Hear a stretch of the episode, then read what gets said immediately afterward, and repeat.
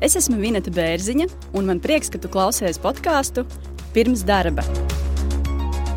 Mans podkāsts ir cilvēcīgas un saprotamas sarunas par darba meklēšanu un atrašanu.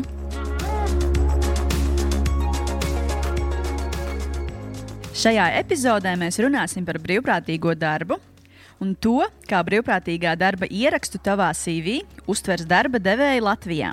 Es biju brīvprātīgā. Tas bija neapmaksāts darbs, par ko mums pateica paldies. Mēs varējām cepums paņemt mājām, kā studentam. Tas bija ļoti izdevīgi. nu, kā Somijā. Viņiem tas ir dzīves stils, tas ir pilnīgi normāli. Un ASV savukārt tas ir kā ķeksis ka, lai tu būtu labs cilvēks, tev ir jāiet patvērsme reizes mēnesī vai jāiesaistās kaut kādā labdarības uh, fundraising pasākumā, tas ir kā status. Skatījos dažādas programmas, un daudzās no viņām bija jābūt paša finansējumam. Nebija tā, ka viss, visas izmaksas tiek nosektas. Daudz kur pat tie bija vairāki tūkstoši dolāru vai eiro. Ja tu gribi kā brīvprātīgais piedalīties tur, uh, Jo viens no iemesliem, kāpēc es gribēju atbraukt uz Rumāniju, bija arī iztestēt, kā ir strādāt ar jauniešiem. Vai tas man interesē, vai tas padodas, vai es to gribu darīt nākotnē.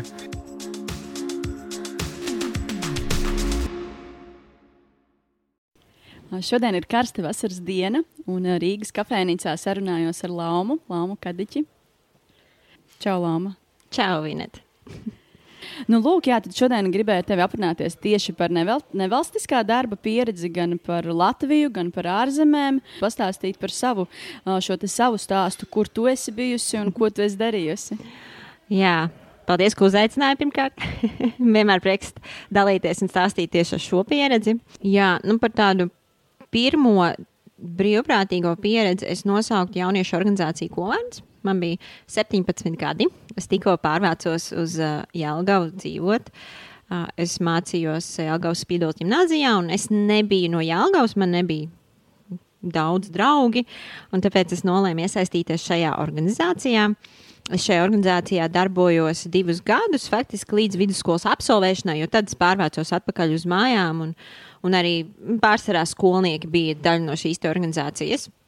Un tad es iestājos augstsskolā, un pirmā doma reiz bija, kad es devos uz studentu pašpārvaldi, kur es arī aptuveni darbojos um, pusgadu. Un paralēli es uh, atradu informāciju par vēl vienu interesantu organizāciju, uh, jauniešu organizāciju uh, Telus, kas tajā laikā darbojās ar Eiropas jauniešu parlamentu. Uh, viņa ir kustība Latvijā. Un, un uh, bija tā, ka man interesēja, man, man iepatikās arī cilvēki, kuri aprakstīja šo organizāciju. Un beigās starp studentu pašpārvaldi un jauniešu organizāciju Telus. Es izvēlējos Telus. Mēs dibinājām jaunu tādu kā virzienu, um, kas saucās uh, apmācības un treniņu jauniešiem šīs apmācības un treniņus mēs rīkojām par tēmām, kas ir svarīgas jauniešiem darba tirgu, bet ko viņi nevar iegūt izglītību, klasiskās izglītības veidā. Piemēram, coachings, mm -hmm. darba intervijas, prezentācijas prasmes. Mēs veicām disku testus un stāstījām, kāpēc uzvedība un kā viņa veidojās. Kaut kādas šādas lietas, ko tiešām to izpratni nevar dabūt. Mēs koncentrējāmies uz vidusskolas un augstskolas studentiem, jo šie bija tie cilvēki, kas nākotnē ies darba tirgu. Un um, to es sāku darīt, kad man bija 19 gadi. Man pirmā darba pieredze sākās 20 gados, kad es sāku strādāt uh, galda spēļu veikalā Ludo. Tagad viņi sauc Brain Games. Ļoti foršs darbs, ļoti foršs uzņēmums, viegli apvienot ar mācībām, kas patiesībā arī nebija ļoti intensīvas. Un tad es paralēli strādāju, mācījos un darbojos jauniešu organizācijā Tellus, kas bija pietiekami intensīva, bet es to nemanīju ne pret ko, jo tieši tas man iemācīja, kā ir dzīvot, es teiktu, intensīvu dzīvi, ka tev ir mācības, tev ir darbs, tev ir organizācija, tad tas viss ir jāsaskaņo. Ļoti labi iemāca laika plānošanas prasmes, īpaši, ja tu nedzīvo Rīgā. Bet, nu, tad es pārvācos. Un, um, tad es absolvēju augstskolu, turpināju strādāt um, pilna laika darbu. Un joprojām darbojos jauniešu organizācijā, organizējot šos treniņus. Un tad paralēli strādāju pilnīgi darbs. Es strādāju uh, veikalā par uh, biroju vadītāju, personāla speciālistu, un tad es uzsāku darbu uh, personāla atlases uzņēmumā par personāla atlases speciālistu, headhunteri. Tad mēs nolēmām izveidot uh, tādu kā savu nevalstisko organizāciju ar vienu atla, mm, apmācību uzņēmumu, ja tā var teikt.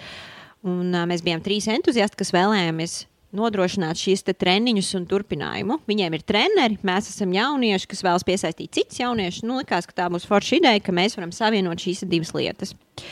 Un sanāca tā, ka tā kā tas ir neapmaksāts darbs, protams, mums ir savi darbi, tad tā motivācija arī varbūt pazuda. Prioritātes kļuva mācības vai darbs, kas nu kuram var arī īstais darbs. Un tad mēs sapratām, ka varbūt šobrīd nē, mēs neesam tiešām iesaistīti no sirds. Un tad nolēmām, ka šī brīdī mēs, mēs izbeigsim. Tā kā tas nebija uzņēmums, tad to bija diezgan viegli izdarīt. Un joprojām, protams, viss ir labi, mēs esam draugi. Vienkārši tajā brīdī tā sanāca. Un, um, tad es strādāju par personāla atlases speciālistu tikai, un es aizbraucu uz Somiju, kur um, es stājos augstskolā, un es nolēmu, ka es gribu atkal iepazīties ar cilvēkiem, un kā gan citādāk, ja neiet uz tīklošanās pasākumiem un iesaistīties kādā projektā. Uh, Un tad es iesaistījos projektā rīkot uh, starptautisku konferenci Tallinā, kuras biju moderātori, kas nozīmē, ka es koordinēju, uh, vadīju pašu pasākumu uz vietas, kā arī pirms tam palīdzēju pro, uh, rīkotājiem ar visām loģistikas lietām. Kas bija interesanti, viņi arī piedāvāja patiesībā man vēlāk darbu arī šajā organizācijā. Um, Somijā. Jā, jā, jā mm bet es tā kā nepaliku Somijā, tad šī gadījumā es atteicos. Man patika, bija interesanti šī gadījumā es biju forši uzorganizēt pasākumu, bet neturpināju sadarbību. Un tad, kad es aizbraucu uz ASV, man vienmēr gribējās iet uz dzīvnieku patvērsmē. Man likās arī, arī tā ļoti jauks, ka filmās arī tur redzi, ka visi iet. Un tas tā interesanti. Es arī Rīgā nekad nebiju bijusi, kaut arī ļoti gribēju. Un es domāju, ka nu, tā man darīt nav ko īsti brīvdienās vienai pašai. Un man pie mājām tieši bija patvērsme, un tad es arī devos. Es tur bieži nebiju, es biju kaut kādas četras vai piecas reizes kopā. Jo kā tur ir ļoti daudz brīvprātīgie patiesībā, un tur ir konkrēti laiki, kad varbūt man nevienmēr varbūt sanāca savienot ar darbu, vai bija kaut kas ieplānots. Un tā kā arī bija daudz brīvprātīgie, varbūt man tā motivācija bija nedaudz zemāka, jo es redzu, ka viņiem nav tik liela vajadzība, jo tur tiešām bija cilvēki, kas iet desmitiem gadus. Viņi tur ir kā ģimene jau gandrīz, un, un viņi tiešām sadarbojas, kas ir fantastiski. Uh, Nu, un tad es strā, strādāju ASV par um, vadības asistenti, projektu koordinatori, kas bija gan izteikti pusotras slodzes darbs. Un tas bija tā, tā bija tāda pieredze. Jā. Es atgriezos Latvijā 2018. gadā. Kopš tā brīža strādāju Solvay Business Services par personāla atlases speciālisti. Uh, es arī koordinēju dažādus pasākumus darbiniekiem, un viena no tiem ir arī brīvprātīgie uh, pasākumi ar dzīvniekiem patvērsmēs Latvijā. Mēs norganizējām vienu braucienu turieni, tagad mēs arī ziedojumus savācām Covid laikā, lai mm, papildus kaut kādas lietas tam būtu. Un tas ir šobrīd tas veids, kā es izpaužu to savu vēlmi, kas ir tikai un vienīgi augusi šobrīd. Ko varbūt tieši tu personīgi ieguvi no šāda veida pieredzes? Iepriekš minēji, kas ka varbūt motivācija bija iegūt darbu, pieredzi un nevis ierakstu CV. Ko tu kā nu ieguvi tīri praktiski no šīs pieredzes? Praktiski noteikti pieredzi kā vispār strādāt, gribās tā teikt, kas ir e-pasts, kā viņus rakstīt, kā piesaistīt sponsorus, kā nodarboties ar š, tā saucamiem augstiem zvaniem, piesaistot sponsorus. Es guvu ļoti daudz profesionālo pārliecību, es mācījos uztaisīt budžetu viņu saskaņot. Un tās ir tādas pamatprojektu vadības un koordinācijas spējas, un tos iegūstu vidusskolas vecumā.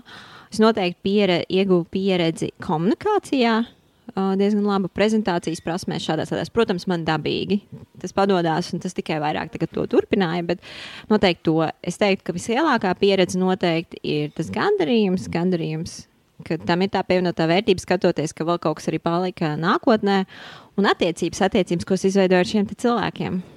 Vēl projām varbūt uztur attiecības ar kādiem draugiem, ar kuriem ieguvi toreiz. Jā, jā, noteikti. Mēs, mēs tieši nesen runājām, kad uh, mums ir draugu grupiņas citiem no vidusskolas, mums ir jauniešu organizācija draugi un citi draugi. Nu, un tad ir tādas paziņas, jā, kad satiec uz ielas un vienmēr ir forši parunāties. Un, un tas ir forši, ka tu, piemēram, es piemēram, skatos LinkedIn un, oh, es zinu cilvēku, kas tur strādā un var uzrunāt, jums ir tas kopīgais. Mēs abi tur rīkojām treniņu vai rīkojām kaut kādu apmaiņas braucienu. Bet, uh, kā tu domā, vai darbs neval, neval, nevalstiskā organizācijā ir arī darbs? Redz, es nestrādāju, un tur ir tā atšķirība. Es biju brīvprātīgā. Tas bija neapmaksāts darbs, par ko mums pateica paldies. Mēs varējām cepums paņemt mājām, kā studentam. Tas bija ļoti izdevīgi. Tad samaksa bija cepumi. Jā. Un, nu, nu, tiešām, tas tiešām bija brīvprātīgais darbs. Un es to nesalīdzināšu ar apmaksātu darbu. Jo arī tad, kad brīvprātīgi cilvēki strādā, tā ir motivācija, iekšējā motivācija, un mēs nesagērējam to samaksu. Tāpēc jāsaka, laikam, ka šie apmaksātie darbinieki ir maz apmaksāti. Viņiem es nezinu, vai es to darītu. Dēļ. Tā kā, ja man maksātu, es visticamāk nestrādātu šādās organizācijās, ja vienīgi man nebūtu cits bizness, kas pelna vairāk. Es tomēr līdz galam nesaprotu, kāpēc cilvēki to dara. Tie nezinu, kaut kādi reliģiski iemesli, nezinu, vēlme palīdzēt, vēlme, nezinu, iegūt ierakstu CV. Nu, kā, ka, kas ir tā motivācija cilvēkiem to darīt? Es domāju, ka katram jāskatās pašam sevi, jo es esmu dzirdējis visas šīs lietas. Piemēram, es uh, Somijā rīkoju konferenci, un tas bija attīstiem, humanistiem, kaut kam vēl. Un tur tiešām arī bija reliģiski iemesli. Cilvēki vairāk tas, ka viņi neticēja kaut kam drīzāk un vēlējās to promotēt šī gadījumā. Un tad viņiem bija ļoti liela iekšējā motivācija. Jo patiesībā tās mūsu vērtības arī ar mūsu darba devēju šīs saskaņa ir tas, kas mūs motivē strādāt. Un par nevalstiskajām organizācijām noteikti tās vērtības, kas saskana ar to nevalstisko organizāciju. Un otrs, es noteikti teikšu, personīgā pieredze, jo es arī zinu, ka es gribu strādāt noteikti veida nevalstiskajās organizācijās, kā brīvprātīgā, jo mani personīgi piesaista mērķim, kas ir piemēram jaunieši, jo zinu, ka man pašai varbūt bija grūti, un es gribu, lai citiem ir vieglāk. Es strādāju kā personālais speciālists, un man ļoti patīk jauniešiem palīdzēt atrast sevi un savu karjeru, atkal personīgā motivācija. Nu, un tad noteikti, piemēram, man patīk dzīvnieki, un es ASV dzīvnieku patvērsmē biju brīvprātīgā. Un es zinu, ka es to mīlu, un tas noteikti tikai veicina to. Izklausās tik fantastiski, bet varbūt var pastāstīt tieši par šo ārzemju pieredzi un arī salīdzināt, kā varbūt šāda nevalstiskā organizācija atšķirās no Latvijas. Atšķirība noteikti ir attieksmē, es teikšu, joprojām, nu, varbūt ne tagad vairāk, bet tad, kad es vēl darbojos, kas bija piecas gadus atpakaļ, uh, bija tāda stigma, ka tev, tev darīt nav ko, ka tu esi šajā organizācijā. Kāpēc, kāpēc tu veltīji savu brīvo laiku? Un ārzemēs viņi tiešām saka, paldies, nu, es, nu kā Somijā. Viņiem tas ir dzīves stils, tas ir pilnīgi normāli. Un ASV savukārt tas ir kā ķeksis ka, lai tu būtu labs cilvēks, tev ir jāiet patvērsme reizi mēnesī vai jāiesaistās kaut kādā labdarības uh, fundraising pasākumā, ka tas ir kā status. Un tur arī atkal cita motivācija. Bet Latvijā tas tagad pamazām sāk attīstīties kā norma vairāk. Vai tu toreiz, minot šo tieši pieredzi šajā ar, ar, ar dzīvniekiem, vai tu toreiz arī strādāji paralēli? Jā, man bija pilna laika darbs. Es biju vadības asistente projektu koordinātoru uzņēmumā. Kā izdevās apvienot pilna laika darbu un vēl šādu darbu nevalstiskā organizācijā? Man bija ļoti jauks darba devējs, kas paši arī tiešām tic šādām lietām. Un es zināju to, ka es varēju piemērsties vēlāk darbā un palikt ilgāk, vai arī es to darīju sestdienās. Sestdienās, svētdienās ir vairāk cilvēku, tāpēc tad arī bija tā, ka bija jāstāv rindā. Bet darba dienās no rīta pusē, ja, piemēram, tur agrāk aizbrauc, tur uz divām stundiņām, tad bija ok. Kā ir, kā ir Latvijā? Ko darba devējs saka par šādu ierakstu tavā CV, ka tu esi bijusi ārzemēs un arī Latvijā nevalstiskās organizācijās? Vai esi dzirdējis varbūt kaut kādas piezīmes darba intervijās? Es tagad domāju, vai es vispār esmu to ielikusi CV, jo man liekas, ka viņi tieši neskatās. Nu, es esmu to stāstījusi. Uh, Bet tā, ka kāds paskatās CV, tad, kad es meklēju vienu no darbiem kaut kādus septiņus gadus atpakaļ, tad vēl bija aktīvi jaunieti. Tad gan man paprasīja, kāpēc es to daru, bet tad paprasīja vairāk, nu, kāpēc es to daru. Nevis, oh, cik interesanti, kāpēc tu to dari. Un tur ir atšķirība. Un varbūt tas arī nedaudz sabiedēja, un es to vairs tik ļoti nereklamēju. Bet es esmu dzirdējis, ka tiešām tā attieksme ir mainījusies. Jo ikreiz, kā pie manis ienāk kandidāts, kuram es redzu, ierakstu CV, es paprasu, lai noskaidrotu, jo tu vari būt brīvprātīgais un skatīties, kā citi kaut ko dara, un tu vari būt vienīgais koordinators projektām, un tā ir liela atšķirība. Tāpēc es vienmēr precizēju un pārjautāju, jo šis cilvēks ir bijis vadīt, vadītājs vai koordinators lielam pasākumam, viņam ir pilnībā cita motivācija un pievienotā vērtība arī kā darbiniekam. Lama, kā tev šķiet, ka tu atjaunos savu CV, tu šo tā, savu pieredzi neliksi iekšā CV, vai, vai, vai kādas tev ir tās sajūtas? Es esmu LinkedInā, liekas, ielikusi kaut ko. Es kā profesionāls es zinu, ka man nepatīk lasīt garu CV, tāpēc es zinu, es liktu visas savas pieredzes, kādam jau apniktu līdz beigām lasīt. Um, par jauniešu organizāciju Telus, es, manuprāt, vai nu esmu ielikusi, vai ieliktu, ja es neesmu ielikusi. Es tagad noteikti pastīšos par citām. Nu, es kā, nezinu, vai tas tiešām man laikam joprojām ir skepse, ka vadītājiem, darba devējiem tas īsti neinteresē. Ja nu vienīgi viņi paši to nav darījuši, tas jau vairāk varbūt tādās neformālās sarunās nu, uzzina, izzinātos. Es atceros, ka tu man minēji, ka labprāt arī Latvijā darītu šādu nevalstisko darbu, bet tu teici, ka tu īsti nevari atrast, jā, kādi varbūt ir tie iemesli un kas varbūt ir foršāk ārzemēs nekā šeit. Mm. Pirmkārt, arī noteikti tās manas spējas ir augušas, un es vairs nevēlos būt tikai brīvprātīgā, kā cilvēks, kas pasniedz lapiņu un pasakā, lūdzu, balsojiet par šo lietu. Mm, es noteikti vēlos būt vairāk projektu koordinēšanā. Un tā kā man pašai arī ir dažādi sapņi un idejas par to, kā palīdzēt, palīdzēt cilvēkiem šeit vai citur, tad es gribētu varbūt pat sākt darboties pie šiem saviem sapņiem un mērķiem. Un otrs, varbūt jā, tā joprojām ir tāda stigma, ar kur es esmu saskārusies savā pieredzē, kad cilvēki jautā, kāpēc tu to dari un kam tas ir vajadzīgs. Neviens taču nemaksā. Ja, cilvēki, ja cilvēkiem vajag, lai viņi paši sev palīdz, vai kaut kādas tādas lietas, un tas bija viņa arī varbūt pazemina to motivāciju to darīt. Mm -hmm. Kā tu domā, kādiem cilvēkiem vajadzētu vispār kaut ko tādu pamēģināt? Un, attiecīgi, ja viņi pamēģina, kas varbūt ir tas, ko viņi iegūst no šādas pieredzes? Es personīgi domāju, ka to vajadzētu pamēģināt tik vienam. Pamēģināt, saprast, kā viņš pats jūtās to darot. Um, jo šā darbošanās brīvprātīgi šādās organizācijās dod to morālo gandarījumu. Un, ja cilvēkam šķiet, ka viņam kaut kas trūkst, vai viņi vēlas palīdzēt, bet nezina kā, jo ne visiem ir jāveido savas organizācijas. Mums pietiek ar nevalstiskajām organizācijām, kurās iesaistīties un kurās vismaz agrāk trūka brīvprātīgie. Uh, un aiziet paskatīties, aiziet paskatīties uz viņu pasākumu un saprast, vai šie cilvēki ir tie, ar kuriem viņi to gribētu darīt. Uh, Un noteikti padomāt par to, kas viņiem ir svarīgs, ko viņi vēlētos mainīt pasaulē, un tad meklēt, kā to izdarīt ar organizācijām, jo bieži vien tas, tas ir viens no veidiem. Iespējas sāk parādīties ar vien vairāk. Svarīgi tiešām saprast, kas ir tas, kas mums pašam rūp, kas sirsniņā liek trīcēt. Paldies, Lapa, par sarunu. Paldies, ka piekriti. Uh, man bija ļoti interesanti paklausīties šajā uh, tavā pieredzē, jo es pati nesmu nu, piedalījusies šādās nevalstiskās organizācijās. Jā, varbūt esmu bijusi dzīvnieku patversmē, bet nu, vairāk laikam par ko lepoties man īsti nav. Tā kā es ļoti ceru, ka klausītāji varēs paņemt priekš sevis kaut ko, uh, lai varētu varbūt pamēģināt savā dzīvē kaut ko jaunu. Jā, man arī bija prieks dalīties, jo agrāk man tiešām likās, ka tas ir normāli, ka visi to dara. Un tad, kad es sāku runāt ar cilvēkiem, kas nav organizācijās, jo tie lielākoties bija mani draugi, es sapratu, ka nē, tā tomēr nav. Un tiešām lielākā daļa to nav darījusi kopumā. Tāpēc es, es tiešām iesaku visus paskatīties apkārt, kas vēl ir tas, ko es varu darīt ārpus tā savas komforta zonas. Paldies! Tev. Paldies! Šī podkāstu epizode ir pusē, uzpildām kafijas krūzi un turpinām sarunas. Mēs tikko noklausījāmies interviju ar Lāmu, kur viņa stāstīja par savu brīvprātīgo darbu, un tagad es runāšu ar Jāni.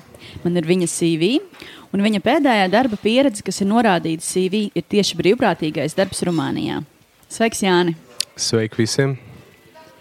Pirmais, ko es gribu tev aprunā, ar tevi aprunāties, ir par šo brīvprātīgo darbu. Tātad savā CV tu esi norādījis, ka no 19. gada uh, oktobra līdz uh, šā gada janvāra vidum tu strādājis kā brīvprātīgais Rumānijā. Pastāst varbūt par šo darba pieredzi. Ja, to, ja tā to var nosaukt, vai, vai jā. Un otrs jautājums, vai tu brīvprātīgo darbu sauc par darba pieredzi? Jā, šita, šitais ir labs jautājums. Vai to var saukt par darba pieredzi? Es uzreiz teikšu, ka savā ziņā jā. Nu, tādu īsu kopsavilkumu es iedošu. Sanāk, kad es aizbraucu 19. gada oktobra beigās. Un, tas viss process noslēdzās uh, 2020. gada janvāra vidū. Un tas noslēdzās teiksim, tā ātrāk nekā bija plānots, jo projekta garums bija sanāk, desmit mēneši laikam, līdz augustam. Bet uh, man sanāca to noslēgt ātrāk, jo, jo uh, Ziemassvētku brīvdienās bija tāds iedots nedaudz pāris dienas brīvas. Un, uh, bija sajūta, ka bija jāaiziet pie ārstiem. Es aizgāju, un, un tad es uzzināju, to, ko es nebiju gaidījis, kad, kad uh, nāksies veikt uh, steidzamu operāciju. Un uh, at, atkopšanās, teiksim tā, nebija paredzama. Uh, protams, vēl cerība bija, ka nu, varbūt varēs ātrāk atgriezties, bet beigās tomēr tas noslēdzās tā, kad, kad, kad es, mēs izvēlējāmies teiksim, tā, noslēgt to sadarbību priekšlaicīgi. Tad šī brīvprātīgā darba beigas nebija tā brīvprātīga. Tas bija tāds ārējs apstākļus, kas tev ietekmēja. Jā. Tev bija jāpieņem lēmums uh, beigt šo brīvprātīgo darbu. Mm -hmm. Pastāst varbūt par, par to, ko tu darīji. Un uh, jā, tad arī tad otrs jautājums, kā tu, kā tu vispār izdomāji braukt uz Rumāniju? Mm -hmm. Teiksim tā, te, tās sēklas šim lēmumam jau brieda vairākus gadus, ja tā var teikt. Uh, par brīvprātīgo darbu es jau biju jau vairākus gadus jau iepriekš ar tādu neregularitāti aizdomājies, un šī doma ik pa laikam tika apspēlēta. Bet tāds spēcīgs akcents uz šādu domu es sāku likt 2017. Eh, gadā rudenī. Tas bija tad, kad es eh, arī aizgāju no darba, un eh, tajā laikā es nolēmu formēt bezdarbu, un tas bija teiksim, tā, tāds jaunu variantu un sevis iepazīšanas periods, kad, es, kad pasaule bija vaļā. Es biju ļoti jauns šajā teiksim, brīvprātīgo jomā, un es, man galīgi nebija nejausmas, kādas ir iespējas, ko es varu izdarīt un tā tālāk. Es sākumā pat skatījos ārpus Eiropas vairāk. Man interesēja, tas bija daudz eksotiskāk, tālāk. Tā bija Ziemeļamerika, Dienvidamerika, Austrālija. Bet tad es eh, drīz sapratu, ka uh, kad, kad uh, tur tie varianti varbūt nav tik realistiski, kā, kā es biju domājis. Uh, skatījos dažādas programmas, un daudzās no viņām bija jābūt paša finansējumam. Nebija tā, ka viss, visas izmaksas tiek nosektas. Daudz kur pat tie bija vairāki tūkstoši dolāru vai eiro. Ja tu gribi kā brīvprātīgais piedalīties tur, uh, un viņi arī bija diezgan īstermiņa projekti. Patiesībā kaut kāda maksimums bija divi mēneši. Es gribēju tā kā ilgāk, teiksim, tā piedalīties. Man uzreiz rodas jautājums, ja tev ir pašam tur tūkstoši jāliek iekšā, mm -hmm. vai tu saņem kaut kādu atalgojumu par šādu veidu brīvprātīgo darbu? Nu, nē, nē. tev ir vienkārši pieredze, un tu nezini, vari padzīvot. Varbūt kādā skaistā pludmalē, ja tā ir uh, Singapūra vai kaut kāda vēl cita Dienvidāzija, un tu tur pakop dzīvnieciņus. Un, uh, Tad jautājums tāds, kāda tev bija motivācija vispār to darīt? Nē, nu, tur jau tā lieta, es, tad, kad es saskāros ar šādiem variantiem, es visu sapratu vairāk. Tad es sapratu, ka okay, šis šobrīd man nav kā, iespējams, jo nu, finansiāli es to nevarēju. Un uh, kaut kā arī ātri diezgan noplaka, teiksim tā, tas pirmais, uh, pirmais vilnis bezdarba periodā, uh, skatīties uz to brīvprātīgo. Līdz tāds pavērsienu punkts bija 18. gada decembris, kad es uh, nolēmu izmēģināt savu privātu praksi masāžās, šī privāta praksa man noslēdzās 19. gada rudenī. Un tad atkal es sajūtu, ka ir viens posms dzīvē noslēdzies, un ir pienācis laiks kaut ko darīt tālāk. Tajā brīdī es jūtu, ka uh, ir tāds kā, hmm, kā to pareizi latviešu pateikt, būtu tā kā angliski ir tāds jēdziens plateau. Latviešu laikam tas būtu, ka tu jūti, ka tu esi ar galvu pret sienu un tu ir grūti kā, redzēt kaut kādus, nezinu, ārēji kaut kādas risinājumus. Tajā brīdī es sapratu, ka okay, man nepieciešams ir kaut kāda jauna, svaiga perspektīva uz dzīvi. Un tad, tad, tad man ļoti spēcīgs tāds impulss bija, ok, vai tagad mēģinam, tagad mēģinam vēlreiz. Un tad sekoja Rumānija. Ja? Un tad sekoja īstenībā tas process bija daudz vieglāks aizgāja nekā pirmajā reizē, nekā 17. gadā, jo šoreiz es uh, liku uzsvaru uz Eiropu. Eiropai bija nu, Eiropas brīvprātīgo serviss. Tur pieregistrējos, uztaisīju savu profilu, atlasīju apmēram sev interesējošās nozarēs 500 projektus. Tad nedēļ... daudz 500 projektus. Tā kā, man patīk kā, izvērtēt, jo vairāk, jo labāk. Un, uh, apmēram nedēļas laikā es izvērtēju, aizsūtīju apmēram 30, 40 uh, projektiem savu pieteikumu. Un cik tu saņēmi jā atbildes? Lielāko daļu apmēram kaut kādas. Wow. Es vēl tagad saņemu jā. Wow. Jā, man pēdējais bija pagājušā nedēļa. Tu nokļuvi Rumānijā, un ko, ko tu vispār tur darīji? Kas, kas bija tavs brīvprātīgais darbs, ko tu veici? Mm -hmm. Tā organizācija, kurā es uh, darbojos, saucās Kurba de Kultūra. Tas bija kultūras, jeb tā teikt, jauniešu centrs, kur, uh, kas, kas šis centrs nodarbojās ar, uh, ar uh, tā teikt, brīvā laika ārpus skolas uh, aktivitāšu organizēšanu jauniešiem. Rumānijā jauniešiem pa lielam bija divas vai trīs autoritātes. Viens ir uh, baznīca, otrs ir skola, un trešais ir vecāki. Un, tad ir jāpieliek diezgan liels pūlis cilvēkam, kurš ir kā svešais, it sevišķi no citas valsts atbraucis, lai iepazītu viņu, uzticētos viņam, saprast, ok, kad, kad, kad var kaut ko kopīgi darīt. Un, un, teiksim, tā ļoti, ļoti liela piesardzība no viņu puses, un tāpēc, tāpēc bija jādomā dažādi veidi, kā, kā, pies, kā pieslēgties tam visam. Kāds ir tāds lielākais iegūms, ko tu iegūsi priekš sevis šajā brīvprātīgajā darbā? Hmm lielākais ieguvums noteikti es vairāk sevi iepazinu. jo viens no iemesliem, kāpēc es gribēju atbraukt uz Rumāniju, bija arī iztestēt, kā ir strādāt ar jauniešiem. Vai tas man interesē, vai tas padodas, vai es to gribu darīt nākotnē. Un, uh, jā, es tā kā vairāk iepazinu sev kaut kādas pluses, mīnus, stiprās, vājās puses. Tu iepriekš arī minēji šo masīvu pieredzi, un cik es saprotu, ka tā bija tava, tava privāta praksa, kā Jā. tavs uzņēmums. Mm -hmm. Varbūt īsumā vari pastāstīt, kāpēc tu kaut ko tādu sāki darīt un kā tev veicās. Masīva prakse izrietēja kā tāds um, rezultāts uh, tam darbam, ko es biju ieguldījis sevī, respektīvi personiskā izaugsme. Uh, kopumā tas ir pēdējie četri gadi, jau es ņemos ar to visu. Tas sākās no 16. gada janvāra.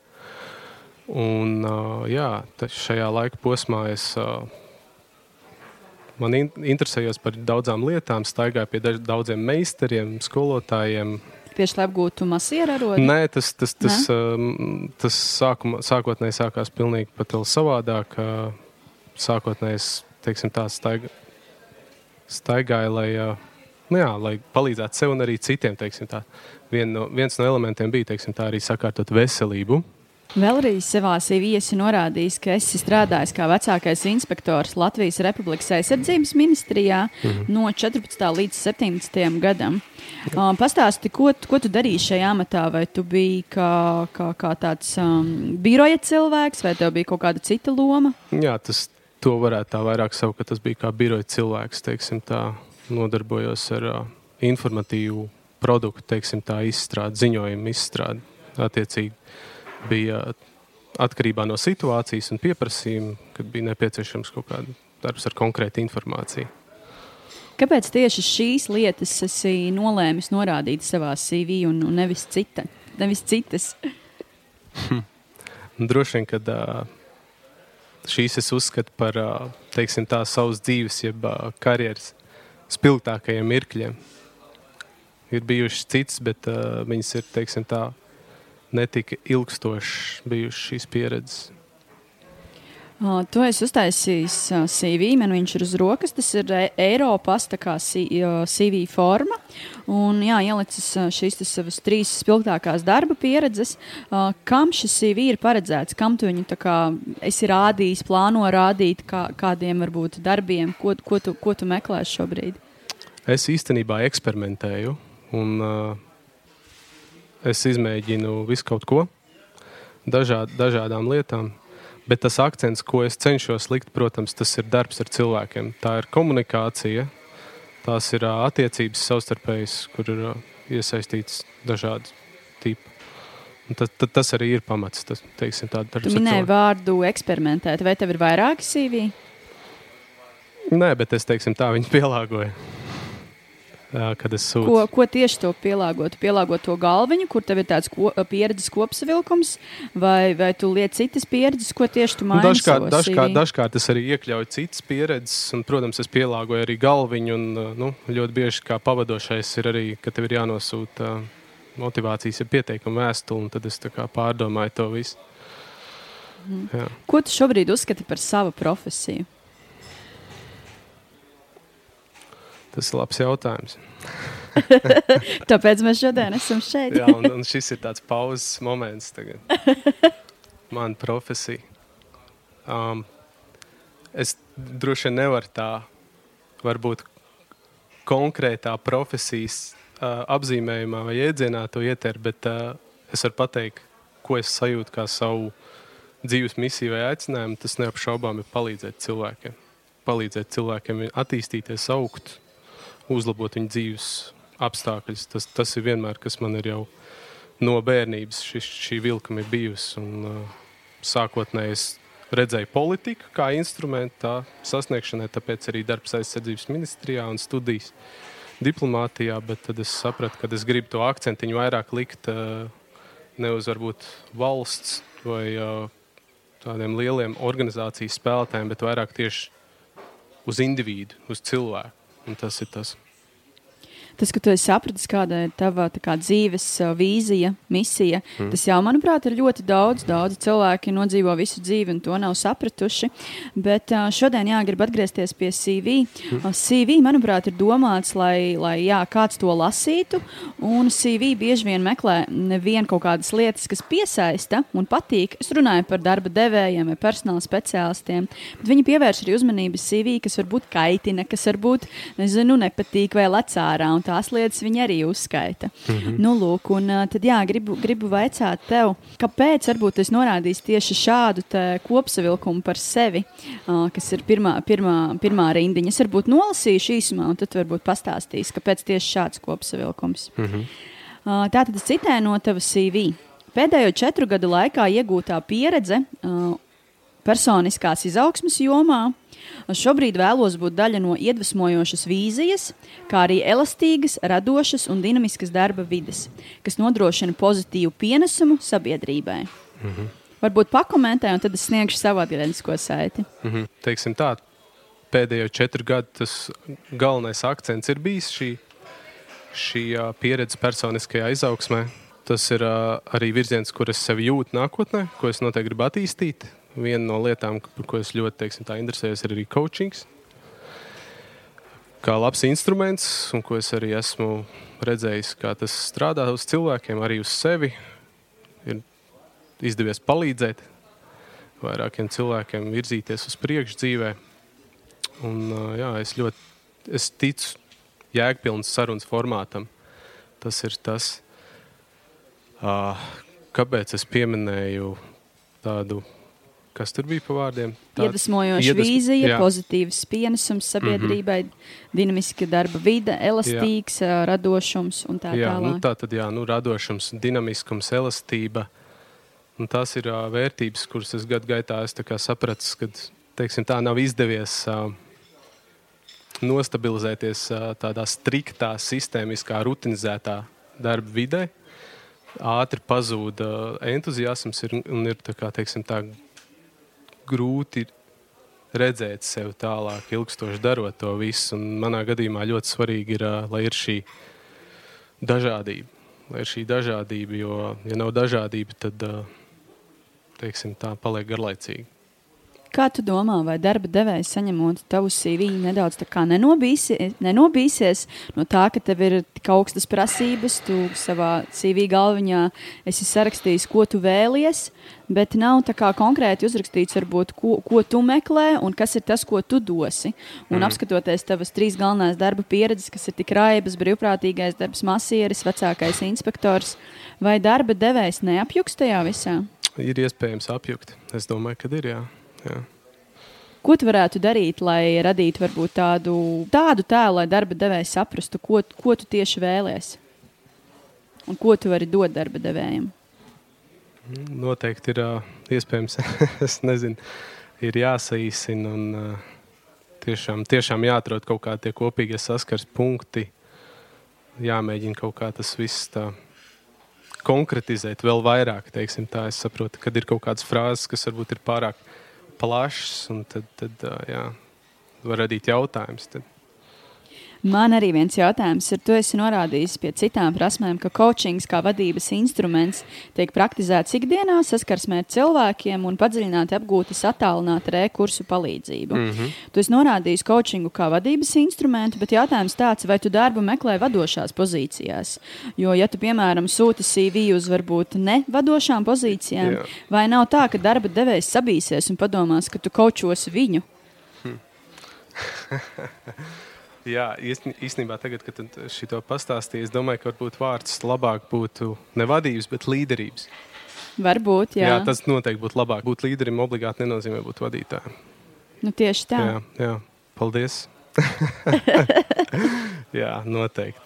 Nu, jā, paldies par sarunu, Jānis. Noteikti varu secināt, secināt to, ka ir jādomā par savu CV, uh, ko, ko, ko padomās darba devējs. Un, kā jau es te minēju, ka uz CV skatās gan, gan plusus, gan mīnusiņus attiecīgi. Uh mhm. -huh. Un tad ir ļoti jāpiestrādā pie CV, tīpaši pie šīs galviņas, jeb kopsavilkuma, ko tu, tu stāsti par sevi. Un uh, rakstīt ne tikai to, ko tu sagaidi no šī darba devēja, bet arī tas, ko tu dosi un uh, kas ir tavas stiprās puses, kas noderēs konkrētajā amatā. Un tīpaši iesaku norādīt, kas ir tas, ko tu meklē. Es tev uzdevu šo jautājumu, tu nespēji atbildēt, bet noteikti iesaku padomāt par to un saprast, kas ir tas virziens, kur tu ej, un attiecīgi tam jau pielāgot savu CV un arī to norādīt uh, savā CV. Kaut kā tā. Kādi tev varbūt ir komentāri? Nē, es, es, es novērtēju atgriezenisko saikni. tā kā paldies, paldies par uh, ieteikumiem. Par, un, uh, jā, jā, paldies, jāturpina uzlabot. jā, paldies, lai tev forša diena. Paldies visiem. Tiešais jautājums. Katrā epizodē es klausītājus lūdzu atbildēt uz jautājumu par vienu sarunā aizkarto tēmu. Šodienas tiešais jautājums ir, vai tu vari atbildēt uz jautājumu, kas ir tava profesija? Lai nobalsotu, nāciet uz Facebook lapu podkāsts pirms darba. Jūs noklausījāties podkāstu pirms darba Katru otrdienu es publicēšu jaunu epizodi. Lai nepalaistu to garām, sadraudzējies ar mani Apple un Google podkāstu platformās un Spotify. Seko podkāstu tapšanas stāstiem Facebook un Instagram. Raksti komentārus, iesaki sarunu tēmas, pastāsti savu darba meklēšanas stāstu. Uz sadzirdēšanos!